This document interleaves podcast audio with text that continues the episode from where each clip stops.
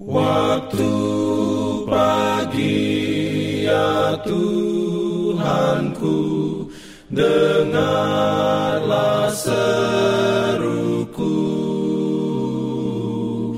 Melayang doa yang sungguh Memandang padamu. Selamat pagi pendengar Radio Advent Suara Pengharapan Mari mendengarkan suara Tuhan melalui tulisan pena inspirasi bersama Allah di waktu fajar.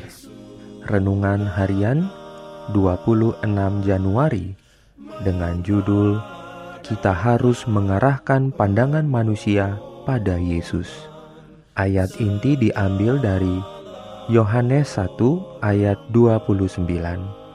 Firman Tuhan berbunyi, Lihatlah anak domba Allah yang menghapus dosa dunia. Tuhan beroleh rahmatnya.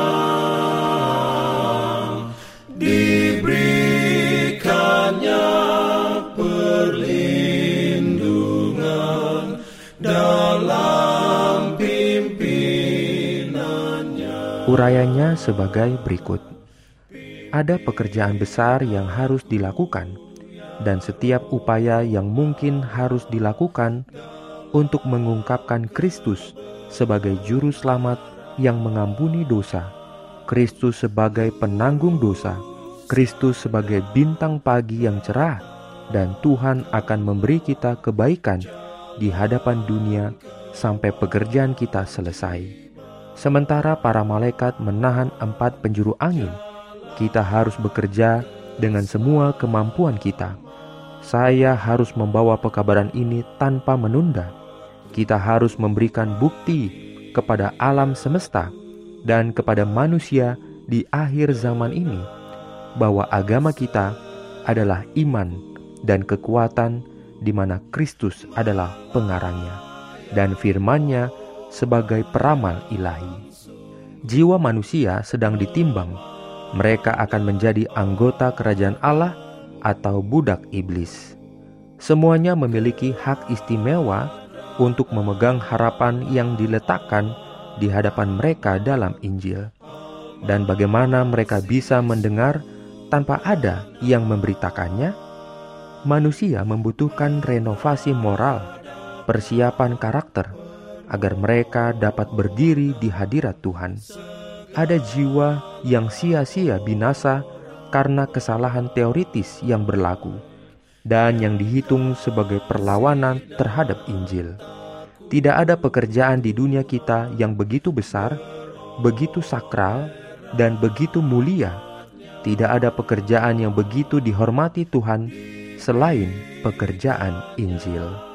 Pekabaran yang disajikan saat ini adalah pekabaran belas kasihan terakhir bagi dunia yang jatuh.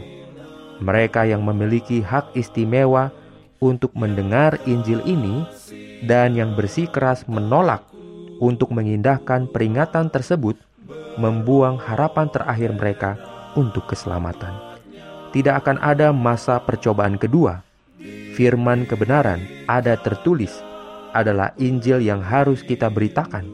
Tidak ada pedang api yang ditempatkan di depan pohon kehidupan ini semua yang mau mengambil bagian darinya. Amin. Pimpin aku ya roh Allah dalam kebenaran. Jangan lupa untuk melanjutkan bacaan Alkitab sedunia. Percayalah kepada nabi-nabinya yang untuk hari ini melanjutkan dari buku Kejadian pasal 13. Selamat beraktivitas hari ini. Tuhan memberkati kita semua. Jalan keselamatan.